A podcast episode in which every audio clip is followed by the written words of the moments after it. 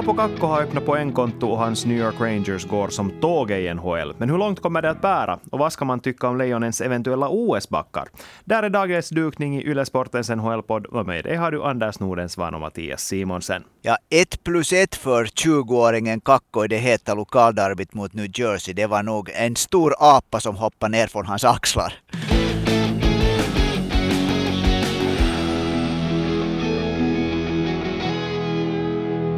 Ja, New York Rangers ligger just nu trea i Metropolitan-divisionen och det var kanske inte ändå värst många som trodde att de skulle göra det. Jo, säsongen är ändå ung, men ändå. Anders, vad är orsaken till det här? No, jag hörde ju till de där som hade tippat att New York Rangers kommer att spela en, en bra säsong. Vad det beror på så det beror säkert till en stor del på att, att Rangers har ett jättebra försvarsspel där det sista låset är, är målvakterna. Två starka målvakter, Georgiev och Sjostorkin, som båda har varit helt otroligt bra. Och sen har de ju då en, en sylvass spets som kan, kan slå in puckar, speciellt i powerplay i, i Artemi Panarin och, och Mika Zibanejad. Så, så där skulle jag komprimera det. det. det är ganska väl komprimerat. För alltså faktum är att man har inte talat mycket om Carolina Hurricanes. Så ja, de har spelat två matcher färre, men ändå är Rangers bara en poäng efter dem i tabellen just nu. Jo, det är nog definitivt en överraskning att Rangers är bara en poäng efter Carolina, för nu är ändå Carolina, tycker jag, ett betydligt bättre lag. Om jag ännu skulle bygga på det där vad jag sa om varför det går bra, så jag skulle nog säga att en stor orsak också är coachen Gerard Galant som ofta, nästan alltid, har en bra inverkan på laget då när han kommer dit och tar över det. Och det där, det är ju nog ett ett Rangers, han sa inför säsongen att han vill att Rangers ska vara det laget som jobbar hårdast av alla. Och Rangers jobbar nog fruktansvärt hårt. Som en femma, alla rör sig liksom som en enhet för tillfället på isen. Ja, alltså jag förstod aldrig egentligen varför han fick gå från Vegas Golden Knights, för jag tyckte att det var ju han som byggde upp, eller la grunden för den framgång som de skördar eller har skördat där de senaste säsongerna. Jag kan till och med tycka att det, det till och med skulle gå ännu bättre om han fortfarande skulle vara där som tränare. Men kanske nog om det. Uh, eh, bra jobb i Rangers. Det var han kanske främst kom in dit för att göra så var ju att uh, utveckla de här stortalangerna i då framförallt Alexis Lafreniere och Capo Kakko till att bli de här stora stjärnorna som förväntningarna var att de skulle bli när man draftade dem som etta respektive två overall två år på raken. Det jobbet är ju fortfarande på hälft får vi väl ändå påstå. Jobbet är på hälft men det är helt tydligt att det är ett projekt som är på gång. Han har hittat nu platser för både Kakko. Kakko spelar hela tiden nu med Ryan Strome och Artemi Panarin. Trots att det inte alltid har gått jättebra så vill Jalant liksom ge åt honom den här möjligheten att, att, att spela där. Och också Alexis Lafreniere har en helt där stabil roll, en, så att säga en låst kedjeroll för tillfället. Han för tillfället spelar i tredje kedjan. Så jag tycker nog att det är helt tydligt att Jalant har det här projektet på gång och han, liksom, han hela tiden i offentligheten också stöder de här unga killarna, vilket ju inte till exempel före detta coachen David Quinn gjorde som var hemskt snabb att dra mattan undan alla som, som lite också hade en dålig match. Men det, det är ändå lite samma signaler tycker jag som man får nu av Jalant också. Nu, för att jag skulle inte säga att Lafreniers roll i den här tredje kedjan är lika spikad som du verkar tycka, för han börjar ju i, i första kedjan. Men sen när han inte spelar tillräckligt bra, han, det här som du sa tidigare, att Galant sa att han vill att eh, laget jobbar hårt, och det gjorde ju Lafreniere inte. Han var,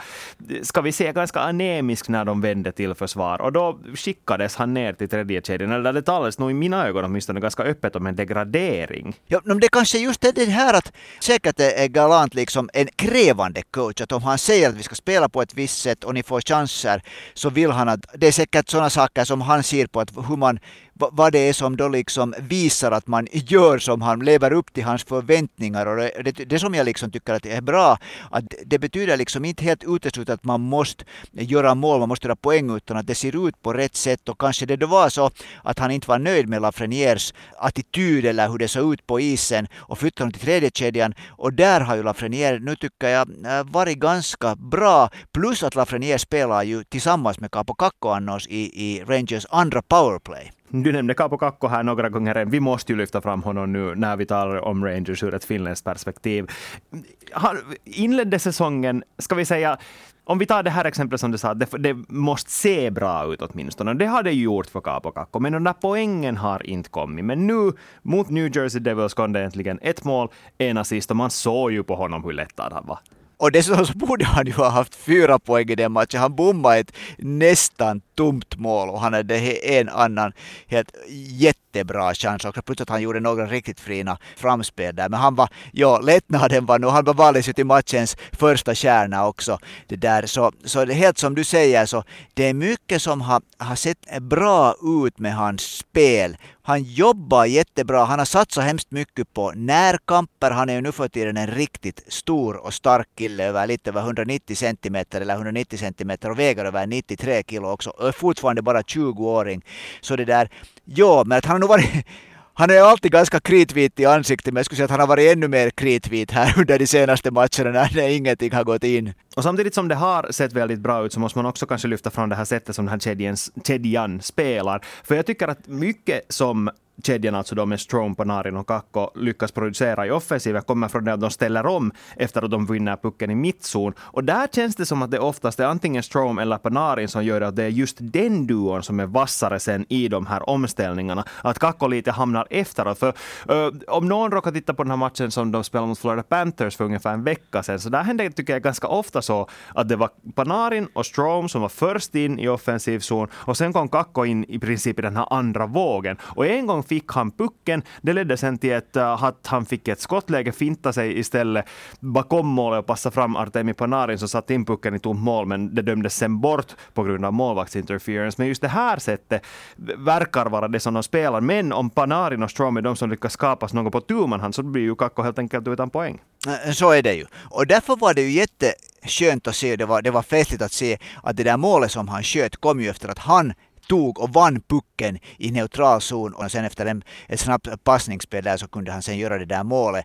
Det där är faktiskt just en sån sak som jag har funderat på, som jag eh, hör gärna vad du tycker om det här, men när jag tycker att det är någonting för tillfället i Kakkos skridskoåkning som inte riktigt ser bra ut och det, kan, det är det där Därför tycker jag också att han blir, liksom, han blir efter både när man ska jobba hemåt och också i de här snabba anfallen när speciellt Panarin flyger ju på skridskorna. Så känns han på något sätt lite trög. Han är snabb och bra i, på små ytor kring målet. Där är han liksom är han på något sätt som en annan spelare. Men i det här eh, skrinnande stora isens åkning så tycker jag att det inte ser hemskt bra ut. Jag håller med. Eh, för om man tittar på den här matchen mot Devils, så då var han ju i princip orsaken till att det blev ett fyra mot två anfall som ledde till Devils andra mål i den där matchen. Det var han, ja, som, det. det. var han som var den som skulle försvara, nu minns jag inte vilken Devils-spelare det var som hade pucken där i mittzon, men Kakko förlorade den duellen helt 100-0 för att han inte var tillräckligt snabb. Ja, alltså det, det, och det här är någonting som jag som jag funderar på, för när jag på något sätt minns bakåt den här succéturneringen VM 2019 när han liksom, han skrann ju ifrån spelare i någon, någon, var det till och med mot Kanada som han gjorde ett mål så att han startade från egna försvarszonen och bara liksom äh, slet sig iväg. Och, och det, det tycker jag på något sätt fattas. Jag undrar, för att han har vuxit enligt den statistiken som jag nu har kollat, så har han vuxit med typ en tum, liksom dryga tre centimeter eh, från det att han åkte till NHL. Och han har också blivit betydligt mycket tyngre. Han har kört jättehårt med tyngder. Att, är det månne någonting att han för tillfället håller på att bli van med, det här låter lite dumt om en NHL-spelare, med en, med en fullvuxen mans fysik och kropp? Ja, men alltså där är jag lite av ananas, för jag tycker att snacket kring Kakko gick ju hela tiden runt det att han kommer att, att hans skridskostyrka inte räcker i NHL på samma sätt som när man talar till mm. exempel Zach Hughes. För när man tar, jämförde de två så var den största skillnaden förstås det att Hughes spelar som center, Kakko spelar som ytter, men också det att Hughes är vindsnabb i jämförelse med Kakko. Kakko har aldrig varit den där snabbaste spelaren, men helt som du sa, han har varit en mästare på att röra sig på små ytor, sättet som han vänder sig, klarar av att vända kroppen på en mikrodels sekund är något alldeles otroligt, och plus att han har ett alldeles fantastiskt spelöga, och det klarar man sig ganska långt med, men då måste man också spela på ett sånt sätt att man positionerar sig rätt både i anfallet och försvaret. Och det tycker jag att vi på ett visst sätt har sett i Rangers den här säsongen, förutom då kanske det här baklängesmålet mot Devils. Men det där är ännu om det här att, är det ju, att ja, det, det, det, det talas om hans skridskoåkning. Det tycks alltid talas om finländska spelares skridskoåkning. Också Anton Lundell var man orolig för att han inte skulle hållas med i skridskoåkningen. Men det där, äh, när jag tycker att det liksom åtminstone inte har gått framåt. Jag skulle ha förväntat mig att en sådär ung kille skulle ha liksom jobbat stenhårt, precis som Lundell har gjort, och gått liksom framåt i sin skridskoåkning. Och jag tycker att Kakko inte har gjort det. Att det här är liksom någonting som jag funderar på. att Är det någonting, har han någon lite, han var ju, har han någon liten skada? Är det någonting, för jag tycker på något sätt det, det ser liksom kraftlöst ut det här, det han skrinnar. Nu blir jag fast på det här skrinnande, ursäkta mig, men det är på något sätt en så, en så stor grej i dagens NHL. Men det är en jättestor grej och nu tror jag att det finns en stor kulturskillnad i hur nordamerikanerna redan i ung ålder börjar träna på uttryckligen skridskoåkningen medan man i Finland mera i dagsläget slipar på spelskickligheten på ett annat sätt. Och det är ju också väldigt stereotypiskt när man kommer från Finland som ung kille in, in i NHL, att man helt enkelt inte är fysiskt mogen. sådär om vi talar om muskler, att mäta sig mot de här stora bjässarna där. Och det är kanske det som Kakko också fick uppleva när han kom dit, att han helt enkelt inte var tillräckligt stark. Och speciellt när man är från Åbo, där det finns en väldigt stark kultur i att styrketräna så otroligt mycket alltid under somrarna, så tror jag nog att det är en ganska logisk förklaring till varför han har valt att fokusera på just det. Det är ju exakt samma som Rasmus Ristolainen och Mikko Rantanen gjorde till exempel. Och nu är det ju intressant med Kakko ännu det där att, att nu har han ju på sommaren eh, har Ismo Lehkonen dragit en stor del av hans träningar. Och jag hörde en intervju i Ilta-Sanomats äh, äh, hockeypodcast var Ismo Lehkonen var helt inför säsongen sa att Kakko är en så i toppskick nu, att han liksom orkar, orkar, orkar. Och därifrån kommer den här tanken att är det månne så att han har tränat så hårt under sommaren, vet du, att fysiken inte riktigt ännu har öppnat sig. Han skulle inte vara den första ishockeyspelaren som egentligen kommer för fullt igång först när det liksom börjar vara årsskifte och därifrån liksom på vårsäsongen och är lite trög, har musklerna lite i lås ännu, ännu på, vår, på höstsäsongen. Det är fullt möjligt. Men oavsett så kanske man ska inte dra i panikbromsen med tanke på att hans poängskörd inte har varit så där vansinnigt bra så här långt under säsongen. För om man tittar på den här statistiken som finns, så enligt till exempel Natural Statrix statistik över farliga chanser som de här spelarna har skapat, så då är ligger Capo Kakko på just nu på sju skapade farliga lägen på sina elva matcher i jämförelse med till exempel Artemi Panarin som enligt den här statistiken bara har fem. Så inte det om han fortsätter att spela på samma nivå så kommer poängen också att komma. Jo, och sen är det också det att, att Rangers är ett underligt lag på det sättet för att just när de, har, de ligger så bra till så om man tittar på den här statistiken som då kallar den här Corsi-statistiken som är väl enklast att, att förklara på det sättet att det är i spel med fem mot fem skott mot mål innanför uh, i, i offensiv zon. Så där är faktiskt Capo Kakko tredje bäst i New York Rangers. Han har 47,27, ligger under 50. 50 är det här liksom vatten, det här strecket när man har huvudet ovanför vattenytan. Och det är bara en spelare i hela Rangers som är på exakt 50. Alla andra är på minussidan egentligen vad det gäller liksom då skapade målchanser och målchanser som skapas när man själv är inne. Och det här är ganska underligt. Vi har faktiskt fått in en fråga om just Kakko också, som ju för det första påstår att Kakko är en spelare som ger honom huvudvärk. Som är säkert inte den enda som tycker att Kakko ger dem huvudvärk, just med tanke på att de här poängen verkar sitta ganska hårt åt. Men han frågar om Kakko nu har spelat in sig i OS-lejonen ändå. Jag tycker nog inte att han har gjort det, om, om jag ska säga ärligt. Jag tycker den här hösten har haft, det har varit många finländare, också unga finländare som har gjort jättestarkt ifrån sig. Jag hade väntat mig att Kakko skulle vara en kille som spelar in sig i OS-truppen. Nu, nu åtminstone på min ranking, så hör han inte för tillfället till de spelarna som finns med i ett OS-lag som jag skulle ta ut om jag skulle göra det idag. Nej, alltså för mig är han också en av de som kämpar om en plats i OS-laget, men långt ifrån självskriven just nu. Men som sagt, den avancerade statistiken tyder på att han gör så otroligt många saker rätt nu att de här poängen kommer att komma. Och om de kommer i den takt som den här, åtminstone de här siffrorna visar att den borde komma, och vi litar på de här heliga Excel-tabellerna här, så kommer Kakko att spela in sig i OS-laget. Det vågar jag nästan slå fast. Och han har ju goda erfarenheter med Jukka Jalonen. Jukka Jalonen gillar honom, men det gäller nog för honom. Eh, han kan inte göra ett plus ett i varje match, men nu måste börja komma poäng och liksom resultat med en helt annan takt än de har gjort hittills.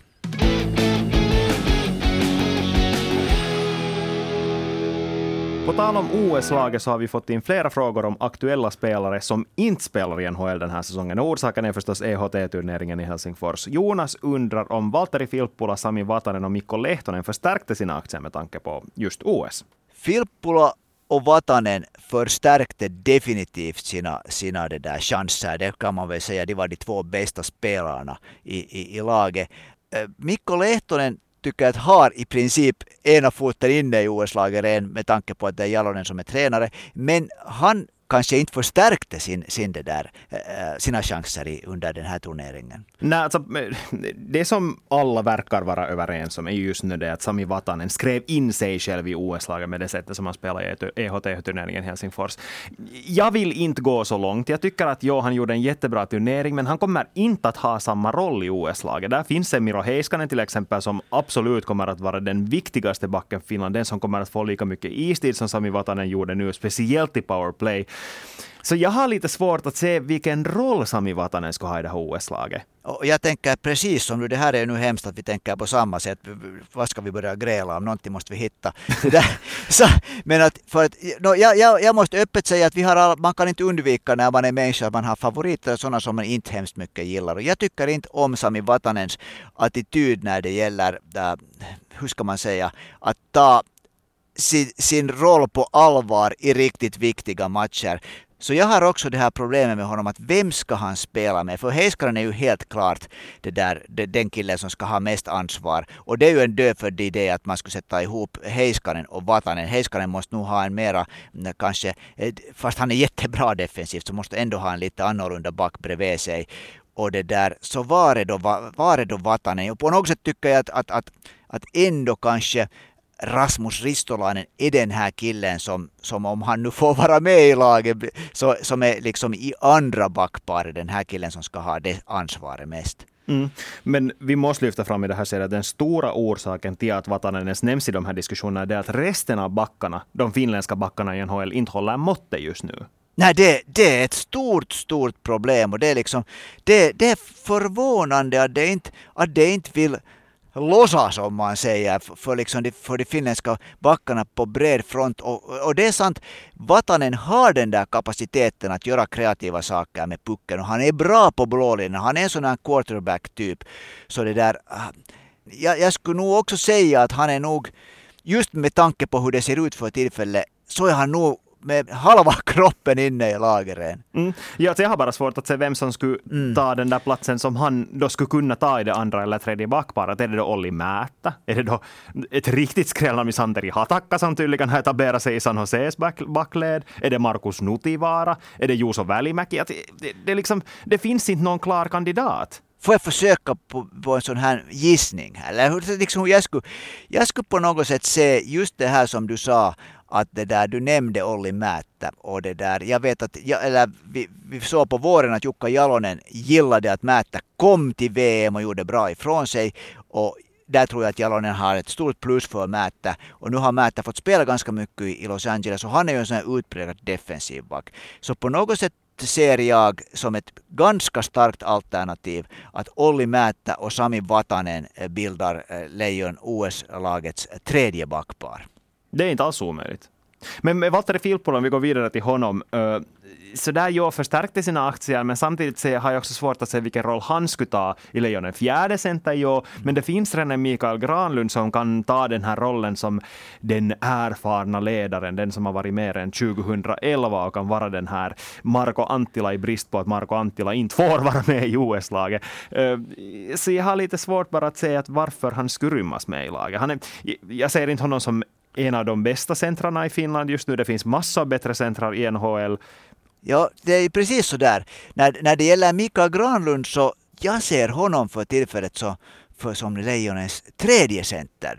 Finland kommer att ha ett överflöd, liksom överutbud på centrar. Så vi kommer, om vi tänker att det är 12 spelande forwardar i, i, i, varje match, så jag skulle inte vara överraskad fast det skulle vara åtta av dem som egentligen är centrar. Och om jag tänker på varför Filppula skulle vara komma med. Så rutinen är ju, han har vunnit Stanley Cup, han har, han har varit med i stora, stora matcher och det där. Och då skulle hans roll, tycker jag, i, i, som jag ser det, vara, om han är med så tycker jag att han är fjärde center. Då, då är han liksom fjärde center och den fjärde centersplatsen, så den tävlar han tycker jag igen främst med, med Erik Haula du, du, har rätt att ha din åsikt. Jag har inte Erik Haula med i mitt lag. Jag har inte heller Bartoli Filppula med i mitt lag just nu. Men det är bara så som det är klart han, han är med i diskussionerna, men ja, jag har svårt att säga att han skulle faktiskt ta en plats. Men stärkte han sina aktier? Det var ju det som var frågan och där är svaret faktiskt jo. Ja, nu var han ju, nu var han ju det där bra. Nu gjorde, alltså Valtteri Filppula är ju på det sättet en härlig spelare att han gör ju i princip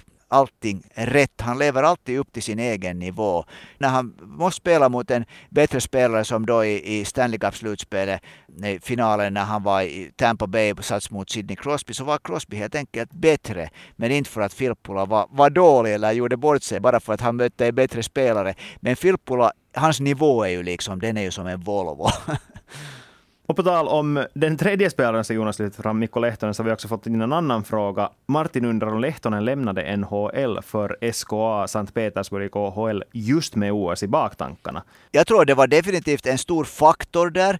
Största faktorn tror jag att Lehtonen ville rädda sin karriär för han, han konstaterade att det här är inte, jag tänker inte bli en AHL-spelare och jag tänker inte vara, det har han till och ganska klart utsagt att han är en spelare som ska spela med pucken, han ska ha en offensiv roll. Om han sätts i en sån här tredje backparets roll var han bara ska slå ut pucken så det är inte liksom, han utvecklas inte där. Jag tror att, och, och klockan tickar, han är 27 år gammal.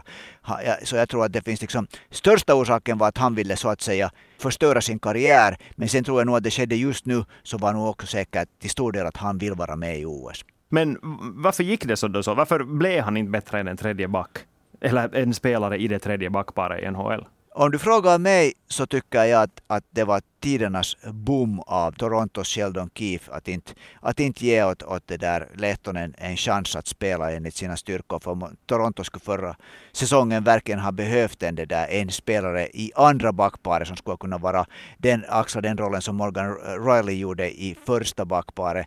Att han liksom inte fick tid att och det där, göra det så tycker jag beror på den här underliga arrogansen som finns i NHL. Att man, man liksom bara inte går med på att en spelare kan komma till till, från Europa till NHL och vara en, en färdig spelare om man inte Miro Heiskanen. Mm, men, men det var ju inte bara i Toronto, det var exakt samma sak i Columbus också.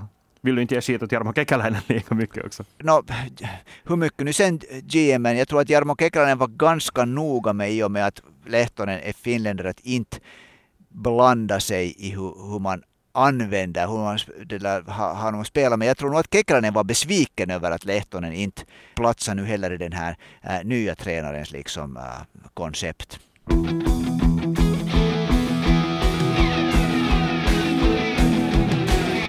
På tal om SKA Sankt Petersburg så klarnade för några dagar sedan att Leo Komarov har gjort sitt i NHL för stunden och flyttat till just Sankt Petersburg. Och Jonas har skickat in frågan som många har på sina läppar. Innebär det här att Leo Komarovs NHL-karriär är över? Nu är det svårt att se att den inte skulle vara över. Han är 37 år gammal och han har liksom hela tiden fått en mindre och mindre roll förutom att han spelade första kedjan i slutspelet där förra, förra våren. Men det där, i princip så har hans roll nog gått ner. Man trodde ju redan att den var slut då när han stack från Toronto men Lula Moriello ville ha honom till New York Islanders så där hittade han sen ännu, ännu en karriär till. Men jag tror nog att den är slut, NHL-karriären. Mm, alltså det, den här sommaren, den här sommaren, nästa sommar kommer att vara den avgörande för hans del. Då får han se helt enkelt att finns det nog ens ett enda NHL-lag som vill ha honom med en lägre lön, en lön som passar den roll som han skulle ta i ett NHL-lag. För det har ju varit det stora problemet. Han har fått en absurt hög lön för att vara en sån spelare som han är. Och nu talar vi inte om att han, han som människa inte skulle förtjäna det, utan det är att när vi talar om lönetaket och strukturerna i NHL så kan du inte betala tre miljoner per säsong åt en spelare som med död och deppe platsar i fjärde kedjan. Nej, det är precis på, på det viset. Och, och, när en spelare börjar närma sig 40, som inte har någon sån här, hur ska man säga, inte någon sån här jättestark uppsida, så det där, nu är det svårt. Mm. Men Komarov har ju ändå ett värde i sig som spelare för att han är ett sånt där rivjärn som alla ändå vill ha på sitt lag. Men i dagens NHL måste kunna producera offensivt också. Det räcker inte med att bara vara en sån där som glider omkring och tacklar allt som rör sig. Han är ju otroligt bra defensivt också, men då måste man... det saknas fortfarande det där lilla extra i offensiven på något sätt för hans del. För, för helt som du sa, han spelar ju i första kedjan med Islanders. Jag tycker att han gjorde det ganska bra. Men inte så bra att han skulle ha övertygat någon kanske, som inte heter Lula Moriello, att ge honom ett, ett kontrakt nästa sommar. Nej, han sköt ju inte pucken. Han hade ett antal chanser att göra mål, men han gjorde inte mål. Mm. Men eh, oavsett så måste man ändå kanske sammanfatta hans karriär så här långt och där är det ju bara att lyfta på hatten för nu är det ju nog, det är inte lätt att göra det som kommer av gjorde, om vi nu utgår från att det inte blir ett fortsatt kontrakt i NHL för hans del. Så att i, han, i, i så sen ålder som Komarov gjorde det, efter att ha på något sätt stigit fram, varit en late bloomer som spelare i KHL, sen flytta över till Toronto och ändå sen vidare och göra en, som du sa, andra karriär i Islanders, så nu är det ju imponerande det är otroligt imponerande. Jag tycker att han är, på det sättet skulle jag lite jämföra honom med, med det där med Jarkko Ruutu, att, att där är två killar som nu har fått allt ut av sin talang när det, man tänker på NHL-karriär. Men tror du då, för Lehtonens del, OS kan ha spelat en roll till att han valde att flytta till SKA just nu. Tror du att det spelar in då Komarov valde, fattade det här beslutet? Ja, Komarov har ju igen meddelat att han är, skulle vilja spela i landslaget. Nu är hans ambitioner säkert att vara med i det där i, i landslaget. Och, han, det där, och så ska vi komma ihåg att det är hemma-VM också på våren. Nu tror jag att han själv tror på sina chanser att vara med i landslaget. Mm. Och just i och med att han är en sån här profilspelare, Jukka Jalonen känner honom väldigt bra, litar alldeles garanterat på honom. Så han är nog också en sån här kille som lite som Valtteri Filppula, som man inte riktigt kan rata från OS-lejonen heller. Nej, så ska vi komma ihåg att Jukka Jalonen är en kille som garanterat kommer att överraska oss alla med, med eh, kanske till och med ett par, tre val i, till, till OS-laget. Skulle du våga säga att Komarov skulle vara ett av dem? No, jag har nog svårt att se Leo Komarov nu i OS-laget på något sätt. Ja, det, där, ja, det är länge sedan han, spelat, han har spelat i landslaget. Att, nu har jag svårt att se att Leksand skulle vara med där, fast det skulle vara kul på sitt sätt. Men du drog den här parallellen med Jarkko Ruutu tidigare, så på något sätt känns det som att det finns inte riktigt någon sån mer. Det har alltid funnits någon sån i landslaget. Det fanns då först då Jarkko Ruutu, och vi går riktigt långt tillbaka så förstås så Tikkanen, Jarkko Ruutu, Leo Komarov. Vem är det som nu ska ta den där rollen? Som den där nageln i ögat hos alla stjärnspelare i motståndarlaget? Det är en bra fråga det där att, att det där mm, skulle den det där nageln kunna komma månne då från, från backarna? Där har vi då, om man tänker att jag har nu hela tiden Ristolainen med där och en Jani Hakanpää, så skulle det här tuffa spelet kunna komma då från, från det där backsidan den här gången? Ja, alltså Ristolainen är ju ökänd för att rätta gallfeber på inte bara de finländska VM-fansen utan också motståndarna. Det är han ju känd för.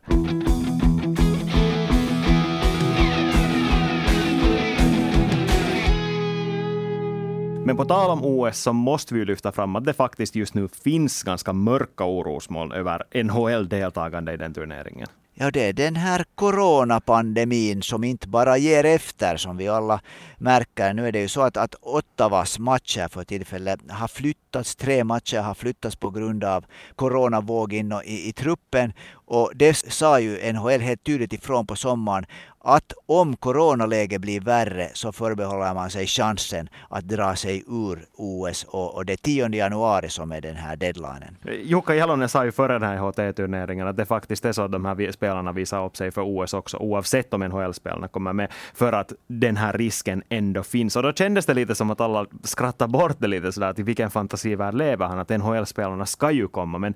Det... Ja, och, och, det där, och så ska vi komma ihåg att det fortfarande är så att ägarna och, och, och, och, den som representerar ägarna, Gary Bettman och hans andra man Bill Daley, så de har nog inte stora varma känslor för OS. De nog hela tiden egentligen söker en chans att komma bort från OS. Så det, där, det här coronakortet skulle jag nog faktiskt också, jag är ganska orolig för det. Men det där köper jag inte helt, för OS arrangeras i Kina och det är nog en marknad som NHL har försökt kila in sig på hur länge som helst. Jo, men, men det där Äh, nu tycker jag, nu tycker jag att, att, att det har varit en sån här ovilja hela tiden att, att okej okay, att spelarna vill dit men att jag tycker liksom närmast mumla ifrån sig de här Bettman och Daly att, no, att, att, att okej, okay, att de är nu, vi alla vill dit, men att inte det är så hemskt fiffigt. Tycker nog att man hör hela tiden åtminstone mellan raderna där. Nej, ja, men det handlar ju också om spel för kulisserna, för i, i slutändan mm. handlar det ju bara om pengar och vad IOK är beredda på att betala åt NHL och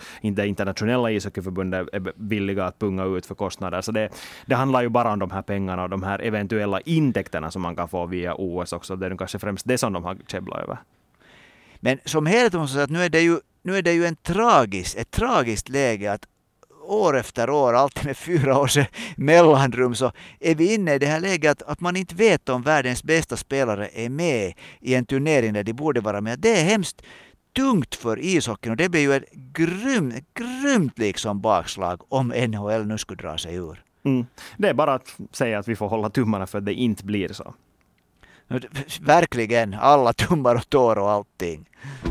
Och där tar vi och sätter punkt för det här avsnittet av Yle Sportens NHL-podd. Vi är tillbaka igen nästa tisdag då förhoppningsvis inga flera lag har drabbats av corona. Och om du har en fråga så är det bara att skicka in den på antingen Yle Sportens Instagramkonto eller per mail till svenskasporten.yle.fi. Tack och hej!